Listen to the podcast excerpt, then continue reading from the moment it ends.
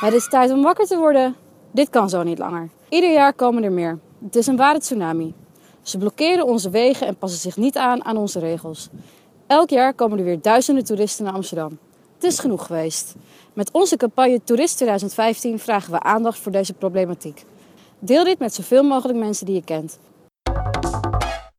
Graag aandacht voor het volgende. Tijdens de herfst- en wintermaanden is het mogelijk dat u en uw onschuldige familieleden ten prooi vallen aan regen. Pas op, wanneer u getroffen wordt door regen, is het onvermijdelijk dat u en uw spullen nat worden. Dit is een acuut gevaar. Verspreid deze waarschuwingen waar u kan, zodat iedereen zich bewust wordt van deze nieuwe dreiging. Ja, wat heb je er nou aan om bewust gemaakt te worden van dat regen nat is? Welkom bij aflevering 32 van Onder Media Doctoren. Vanavond gaan we het hebben over bewustwordingscampagnes. We hoorden er al uh, twee voorbeelden van. Maar wat heb je er nou eigenlijk aan om alleen maar bewust gemaakt te worden van iets? In de studio bij ons zit Wouter Omen. Hij is promovendus en houdt zich bezig met campagnes. Ook in de studio Jeroen Wegs. Uh, die schreef ooit een stuk over de campagne hashtag Zeg het. En ook in de studio dokter Vincent Kronen, mijn gewaardeerde dokter in de media.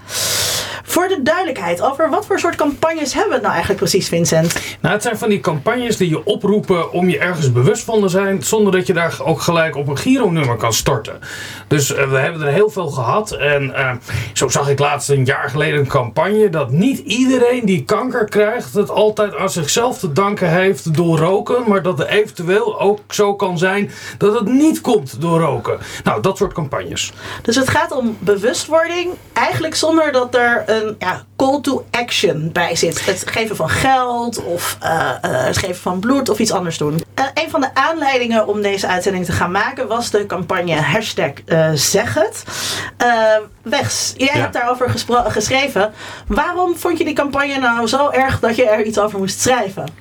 Nou, de campagne op zich vond ik eigenlijk niet zo erg. Ik stoorde me heel erg aan dat, dat sommige dingen als oplossingen werden aangedragen zonder eigenlijk over na te denken wat je nou precies zegt. En zo werd uh, consent was het, het sleutelwoord, het buswoord wat op Twitter ging. Dat moesten we met z'n allen doen. Consent. Dus consent, we, we moeten toestemming. Die campagne ging over uh, aanranding. Uh, en consent gaat over dat je instemt met seks. Ja, en dat was dus allerlei, uh, met name vrouwen deelden hun ervaring met seksueel geweld. En de uh, algemene teneur was instemming. De mannen moesten meer geleerd krijgen dat instemming heel belangrijk was. En in dit geval werd dat uh, consent genoemd, omdat dat hele gebeuren vanuit uh, Amerika komt overgewaaid, uh, zou, je, zou je kunnen zeggen.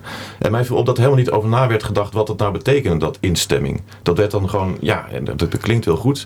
En iedereen was het daarmee eens, stond er eigenlijk over na te denken wat het nou was. Dat, daar was ik eigenlijk het meest door getriggerd om er iets over te schrijven. Ja. En dat werd uh, onder die hashtag ook helemaal niet uitgelegd wat consent dan zou kunnen inhouden? Meestal niet, nee. nee een enkeling deed misschien die moeite, maar over het algemeen werd gewoon aangenomen dat je wist wat het was.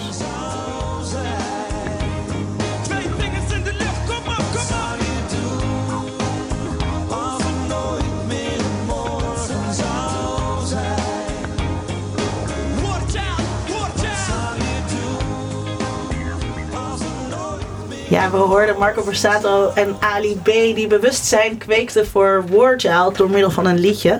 We hebben in de studio Wouter Alme. Jij bent promovendus aan de Universiteit van Utrecht. En je doet onderzoek naar uh, campagnes. Nou gaat jouw onderzoek niet zozeer over bewustwordingscampagnes, maar meer over campagnes waar wel fondsen werven uh, of uh, geldinzameling als doel is. Um, zie jij die campagnes waar we het nu over hebben als een bijzonder soort campagnes? Um, niet direct, omdat eigenlijk op het moment dat je dat soort campagnes ziet, zie je altijd dat er in twee mogelijkheden worden gedacht. Dus of geld geven, paying, ofwel uh, je uitspreken hoezeer je geraakt bent door het lot van anderen, uh, speaking up. En wat je eigenlijk je af kunt vragen is in hoeverre speaking up een actie is die ook daadwerkelijk iets verandert, of dat het een, ja, een soort lege huls is waarvan we eigenlijk niet zo goed weten wat je daar precies mee zou moeten. Ja, ik moet dan bijvoorbeeld denken aan de Pink Ribbon uh, campagne. Waarbij het heel belangrijk is dat we ons bewust worden van kanker. Waarbij ik altijd denk, maar iedereen weet toch al dat kanker een hele erge ziekte is? Ja, of iedereen dat weet, dat, ja, dat weet ik dan weer precies niet. Maar het, waar het meer om gaat is de vraag van... is bewustwording, zorgt dat ook voor ander gedrag? Dus op het moment dat je bijvoorbeeld met zeg het daadwerkelijk een sociale verandering teweeg brengt... die zorgt dat mensen zich anders gaan gedragen in sociale relaties of ten opzichte van elkaar... dan is in principe uh, ja, speaking ook een sociale actie. Dus dan doe je wel, ja, wel degelijk wat. Dat is ook wel interessant dat we zeggen dat bijvoorbeeld de hashtag zeg het campagne dan misschien niks uh, zou doen, terwijl het een, campagne in de gebiedende wijze is. Het, het, het, roept je wel degelijk op om daadwerkelijk iets te doen. En je ziet ook dat er steeds meer tussenvormen komen tussen paying en speaking, namelijk bijvoorbeeld donor worden. Dat, is, ja, dat zit daar op een of andere manier tussenin. En is daarbij ook een rol weggelegd voor de overheid? Uh, uh, dus je zegt, uh, we, we, moeten iets zeggen of we moeten iets aankaarten. Is het dan niet belangrijk dat we dat richten naar de overheid, zodat de overheid actie kan ondernemen? Nou, wat, wat, wat dat betreft wel interessant is, is dat de overheid een heel duidelijk instituut is waar we ons altijd toe gericht hebben voor sociale verandering, voor de manier waarop we ons tot elkaar verhouden. En uh, met de opkomst van internet uh, is door Jody Dean ook wel gezegd dat um, het internet een soort zero institution is geworden. Dus dat is een instituut dat zich eigenlijk richt op het bespreekbaar maken van dingen, zonder dat er dan daadwerkelijk iets mee gebeurt. Dus een soort lege huls waarbij we zo enthousiast zijn over het feit dat we dingen kunnen bespreken, er eigenlijk helemaal niet meer naar gekeken wordt wat er dan gebeurt met wat er besproken wordt. Oh, kijk, we kunnen zien dat dit grote bedrijf uh, dat meer vervuilt. Nou, dan zijn we heel enthousiast over het feit dat we dat kunnen concluderen en daar in openheid over kunnen spreken. En dat iedereen daar zijn zegje over kan doen. En daarna niks.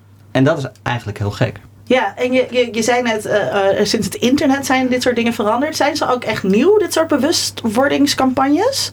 Um, nou, in principe uh, niet. Maar wat je je af kunt vragen, is er voor niet een soort vrijwoordinflatie? Want dat is eigenlijk waar we volgens mij bang voor zijn. Dat op het moment dat het heel moeilijk is om je ergens over te uiten en het lukt, dan betekent dat vaak dat er iets gebeurt. Maar op het moment dat er een veelheid aan meningen, ideeën, uh, mogelijkheden tot verandering, debatten is, dat je op een gegeven moment niet meer weet welke kant je daar nou mee op moet en wat je daarmee kunt doen.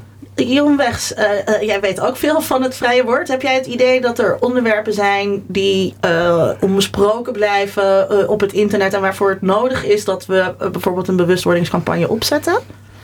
Nou, onbesproken lijkt me helemaal niks op internet. Maar ehm, ik, denk wel dat het goed is om sommige dingen die onderbelicht zijn of niet duidelijk genoeg zijn, om die, die, is internet een hele mooie plek om dat juist wel naar het voor het te brengen. Dus ja, zo. Ik denk dat het ook een, een omgekeerd effect zou kunnen hebben. Want uh, nog niet zo heel lang geleden zag ik op mijn Facebook timeline ongeveer iedereen met een soort Frans vlaggetje erin komen.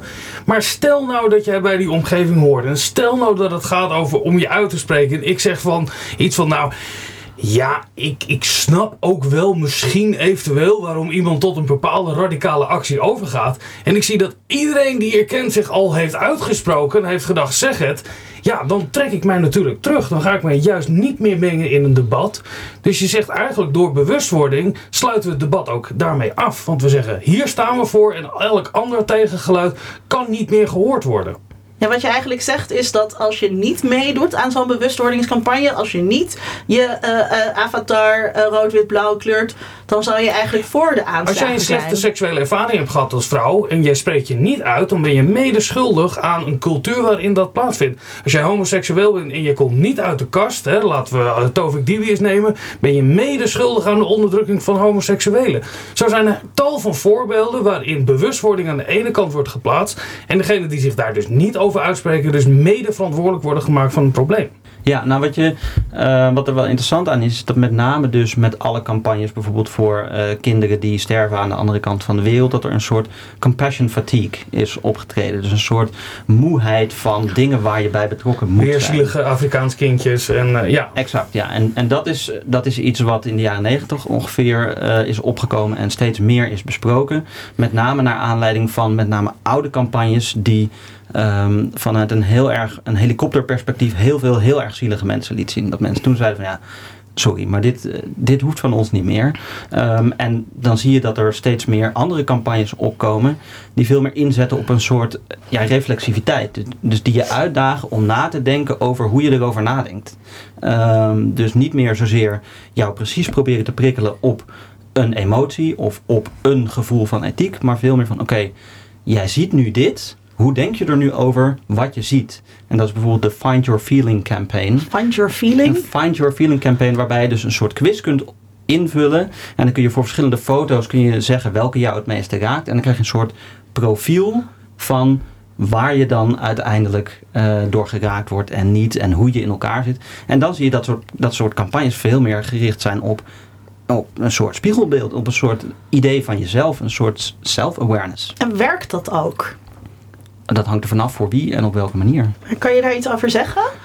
Nou, wat, waar het niet voor werkt, is om je te betrokken, betrokken te voelen bij een ander. Je, je voelt je voor- vooral betrokken bij jezelf, want je krijgt een heel duidelijk zelfbeeld van oké, dit raakt mij, dit raakt mij niet. Dit is de manier waarop ik vind dat ik me uit kan of moet spreken. Dus je, je wordt heel erg betrokken bij eh, jezelf en veel minder bij de ander of bij het probleem. Dus dan komt eigenlijk zo'n maatschappelijke kwestie, of dat nou armoede of seksueel geweld is, die gaat dan dus eigenlijk over jou als persoon en hoe je je daartoe verhoudt. Dat wordt heel erg individualistisch gemaakt. Ehm, nou, het, wordt inderdaad eh, veel minder een, een collectief eh, gebeuren en veel meer een, een soort self-realization eh, door middel van altruïsme, door middel van er in zekere zin wel voor een campagne of voor een maatschappelijk doel of voor een ander zijn, maar met een heel sterk zelfbeeld dat daarbij hoort. Ik herken dat wel, dat, dat het als het gaat over donorregistratie, dat eigenlijk de tendens steeds meer gaat dat ik op een gegeven moment niet kan zeggen, ja, ik weet het niet of ik doe er niet aan mee, maar ik krijg een formulier thuis en als ik hem niet invul, dan zou het nog wel eens een keer zo kunnen zijn dat hè, als ik straks dood neerval, dat iemand staat, nou, we weten van niks, laten we die longen er maar eens uit gaan trekken. Ik raad het niemand aan. Maar dat die, die dwang die erachter zit, dat je je moet uitspreken, dat je niet meer in een soort, soort, soort ignorance is bliss-achtige positie kan blijven, daar zitten die campagnes volgens mij heel erg op in. Op sociale druk. Sociale druk, als jij geen bucket over je hoofd heen gooit, dan ben jij voor spierziektes bijna. Want het is niet alleen maar dat je het moet doen, je moet ook iemand anders nomineren. En dan zeg ik, Jeroen, jij doet dat. En als Jeroen dan mij een berichtje stuurt van ja, niet erop met je water, heeft hij groot gelijk. Maar als ik dan weer tegen jou zeg, oh, dus jij bent niet eh, tegen spierziektes, nou, dan heb jij een probleem. Je maakt het tot een probleem van iemand individueel. En dat is wat je inderdaad volgens mij in de campagne ziet. wat Vincent zegt, van ja, ik heb het idee dat ik door, door de buitenwereld gedwongen word om er vanuit mezelf iets van te vinden. Dat is eigenlijk de paradox die er dan in zit. Dus we moeten er vanuit onze intrinsieke motivatie iets van vinden en dat vinden andere mensen. Dat is een heel raar, een heel raar systeem. En eh, dan moet ik heel erg denken aan, eh, aan dat voorbeeld dat altijd wordt aangehaald. Dat je, dat je twee soorten vaders hebt. Eentje die zegt van nou, eh, je moet zondag moet je naar je oma of je nou zin hebt of niet. En de andere vader zegt nou, ehm, je hoeft in principe niet naar je oma, maar ze zou het wel zeer waarderen. En ze zou het echt heel fijn vinden als je een. Dus je weet hoe belangrijk ze je vindt. En, en dan, dan moet je een soort het zelf leuk Ze is vinden. niet zo lang meer. En het Ja. doen voor anderen. En dat is, dat is die dubbelheid die erin zit. En die volgens mij moreel heel sterk eh, werkt. En inderdaad een, heel, een, zwa- een zware druk legt op wat je daarvan moet vinden. We gaan even luisteren naar een interview dat onze mediastudent Volkert Koelhoorn had met Pieter Broeks, directeur van de HIV-vereniging Nederland. Winter sounds are crying like the old man slowly dying, and the only sound the wind that fills the trees. Even colder and you never seem soon, stillness as rainfall starts to. Ik ben Pieter Broks. Ik ben sinds 2013 directeur van de HIV-vereniging Nederland. De HIV-vereniging is eh, de belangenvereniging voor mensen met HIV en eh, de mensen om hen heen. HIV uit de kast is een, eh, een campagne die zich richt op het algemene publiek ehm, en op mensen met HIV. Waarin we door middel van positieve rolmodellen ehm, laten zien hoe het leven met HIV anno nu in Nederland is.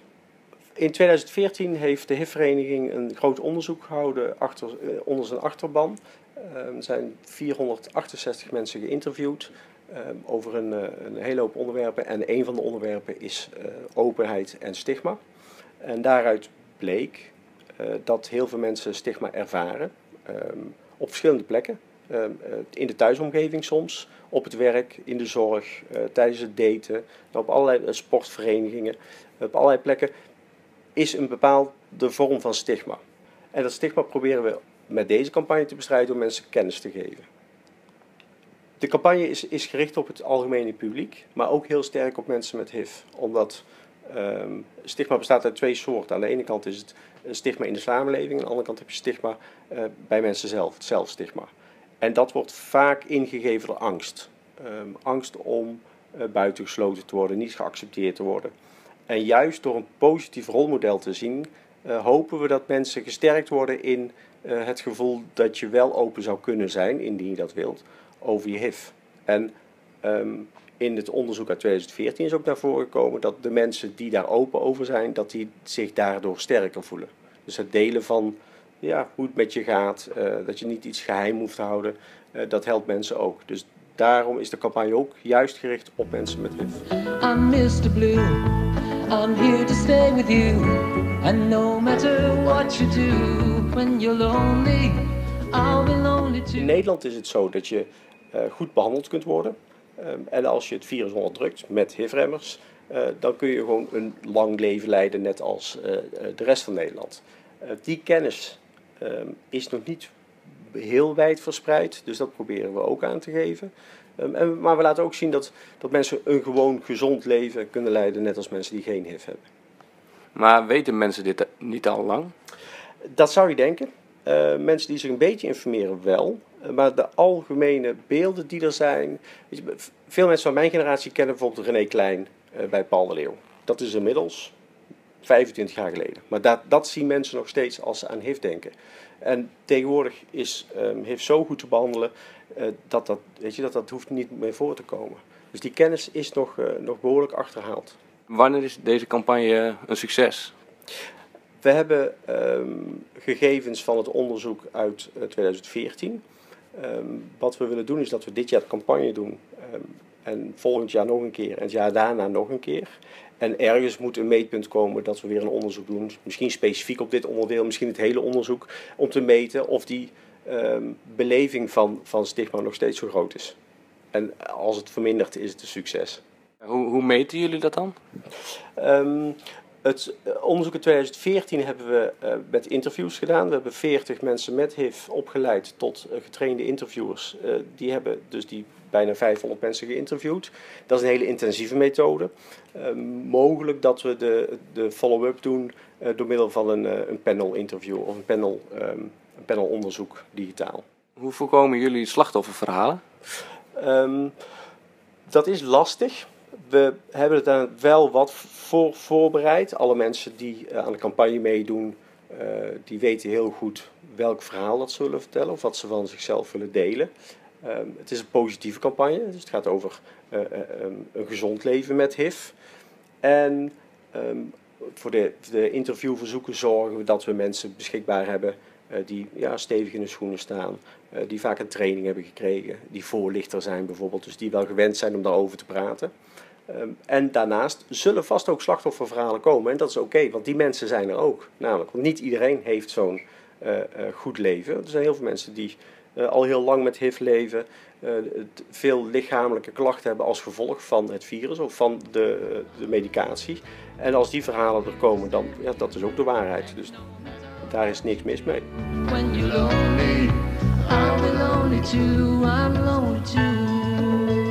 We hoorden Pieter Broeks, die net een nieuwe campagne HIV uit de kast heeft. Waarin hij stigma wil tegengaan door mensen kennis te geven over hoe het is om met HIV te leven. Wouter, uh, dat lijkt mij heel goed, toch? Nou, wat ik altijd het lastige vind van het opheffen van stigma's, is dat je ze moet benoemen voordat je ze kunt bespreken en dus op kunt heffen. Dus dat is volgens mij een probleem waar eigenlijk alle emancipatiebewegingen en stigmabestrijders intrappen. Je moet eerst bevestigen dat het een stigma is voordat je ermee aan de slag kunt. En dan, of je dat nou wil of niet, en ik heb daar niet direct een oplossing voor, maar dan, dan, dan bijt je jezelf in de staart. Het, het komt dan op mij een beetje over, en dat is een, flauw voorbeeld misschien, maar een, een e-mail van drie kantjes lang van je ex waarin ze je vertelt dat, je, dat ze helemaal over je heen is. Dat, dat, dat, lijkt mij een lastig, last, lastig op te lossen probleem. Dus of dat helpt, dat, ja, dat is de vraag. Zou het dan niet beter zijn om toch niet gewoon een fondsencampagne bijvoorbeeld uh, te starten over HIV? Wat vraag je dan? Want de, de, de, mededeling is juist, je kan een gezond en gelukkig en heel normaal leven leiden met HIV. Geef geld. Dat is natuurlijk helemaal geen, geen claim. 25 jaar geleden kon je nog vragen van, goh, dit is ellendig en er moet meer onderzoek moet komen. En, en dat, en nu proberen ze een tegengestelde boodschap in te brengen. Die eigenlijk weer moet tegenwerken wat altijd de boodschap is geweest 20 jaar lang. Dus vraagt- die HIV-vereniging heeft zichzelf ook opnieuw moeten uitvinden daardoor. Maar is dat niet op dit moment ook een beetje eh, een trend? Ik weet uit de ontwikkelingssamenwerking dat heel veel campagnes gericht zijn op campagnes werken. Eh, eh, het werkt om geld te geven aan Afrika. Het gaat heel erg goed met Afrika, Wouter. Eh, in principe, eh, nou ja, of het goed gaat met Afrika, daar zijn zoveel factoren van belang. Daar kun je eigenlijk niks zinnigs over zeggen.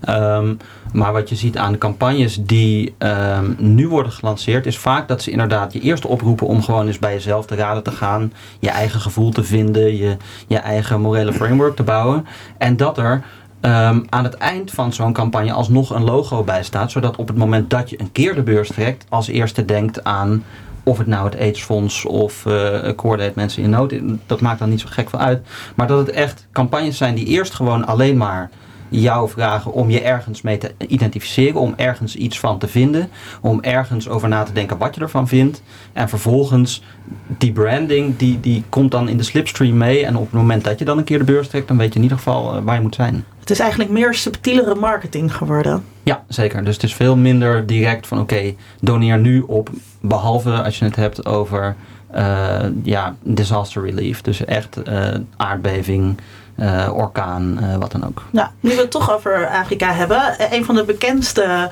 bewustwordingscampagnes zonder call to action was eh CONI 2012. Eh, eh, dat ging, een Amerikaan vroeg aandacht voor de organisatie Invisible Children.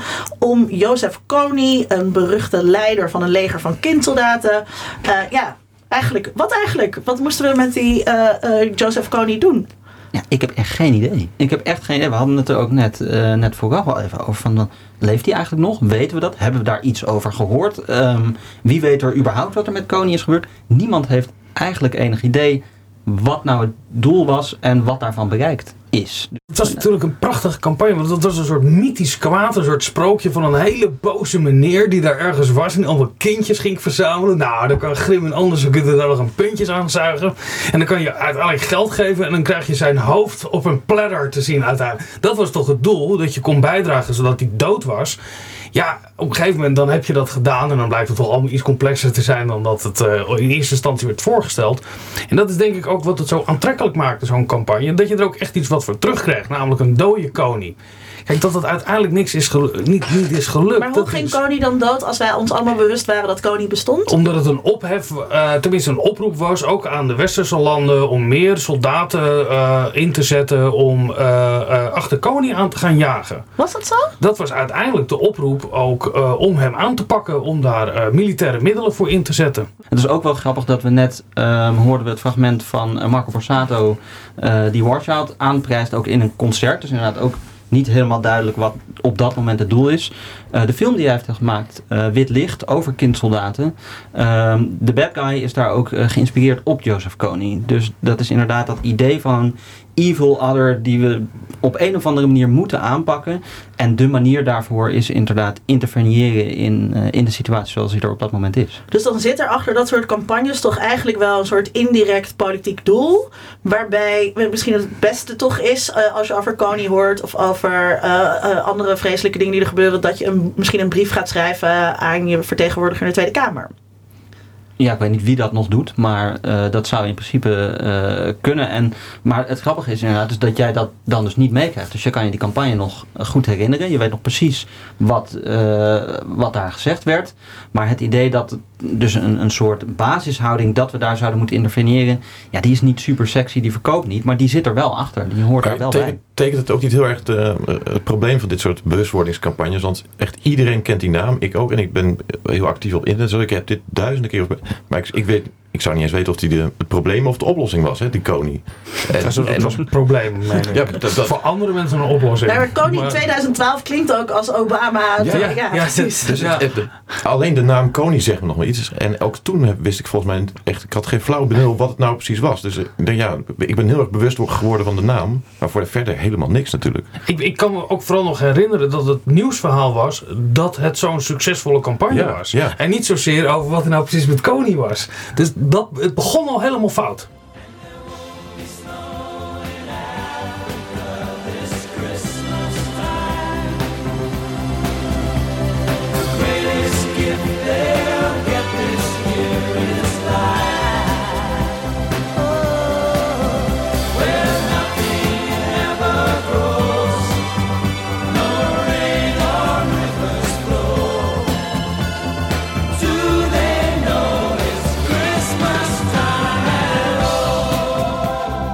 Favoriete bewustwordingscampagne al uit de jaren 80. Weten ze in Afrika wel dat het kerst is? Of moesten wij dan bedenken of ze in Afrika wel bedachten dat het kerst was? Nou ja, goed. Ehm, we hebben het vandaag gehad over bewustwordingscampagnes. Bij tijd en wijle zijn er campagnes die mensen ergens bewust van willen maken. Van een bepaald onderwerp of een bepaald probleem, van een bepaald stigma misschien. Maar wat is de zin van dat soort campagnes eigenlijk? Vincent. Nou ja, vanuit bewustwording, je kan niet geld geven als je niet weet dat het er is. Dus je moet eerst zorgen dat mensen ergens bewust van zijn. En zoals al eerder is gezegd, uiteindelijk gaat er dan ergens een merkje in je hoofd hangen. Ongeveer hetzelfde zoals ik mijn pindakaas uitkies, dat ik altijd weer voor dat ene merk kies. Want ergens heb ik opgevangen dat die waarschijnlijk wel lekkerder is. Dus ja, het is als een soort Calvé-effect. Jeroen Wegs? Ja, waarbij soms dan eh, de naam Calvé blijft hangen, maar dat je niet eens weet wat het is. Dus dan kun je wel in een supermarkt staan, maar als je niet weet wat. Eh, Dan, dan wil je misschien wel Calvé, of als het je tegen zou komen, dat koop. Maar als je, ja, je gaat ook niet naar op zoek. Dus ik vraag me af of, wat, of het altijd zo nuttig is dan. Wouter Omen. Ja, en op het moment dat je geen geld geeft of je niet ergens lid van wordt, ben ik heel benieuwd of het dan eh, per campagne ook gewoon een sociale houding oplevert die anders is, zodat je je anders gaat gedragen. Wat natuurlijk ook een, een verandering teweeg brengt. We hebben het gehad over bewustwordingscampagnes waarmee je intrinsiek gemotiveerd moet raken om je oma te bezoeken. Sorry, ik bedoel om tegen allerlei dingen te zijn. Dit was aflevering 32 van Onder Media Doctoren. Ik dank mijn gasten. Graag tot de volgende keer. Onder Mediadoktoren is een podcast van Linda Duits, Vincent Kronen en Alexander Pleiter. Meer informatie vindt u op ondermediadoktoren.nl.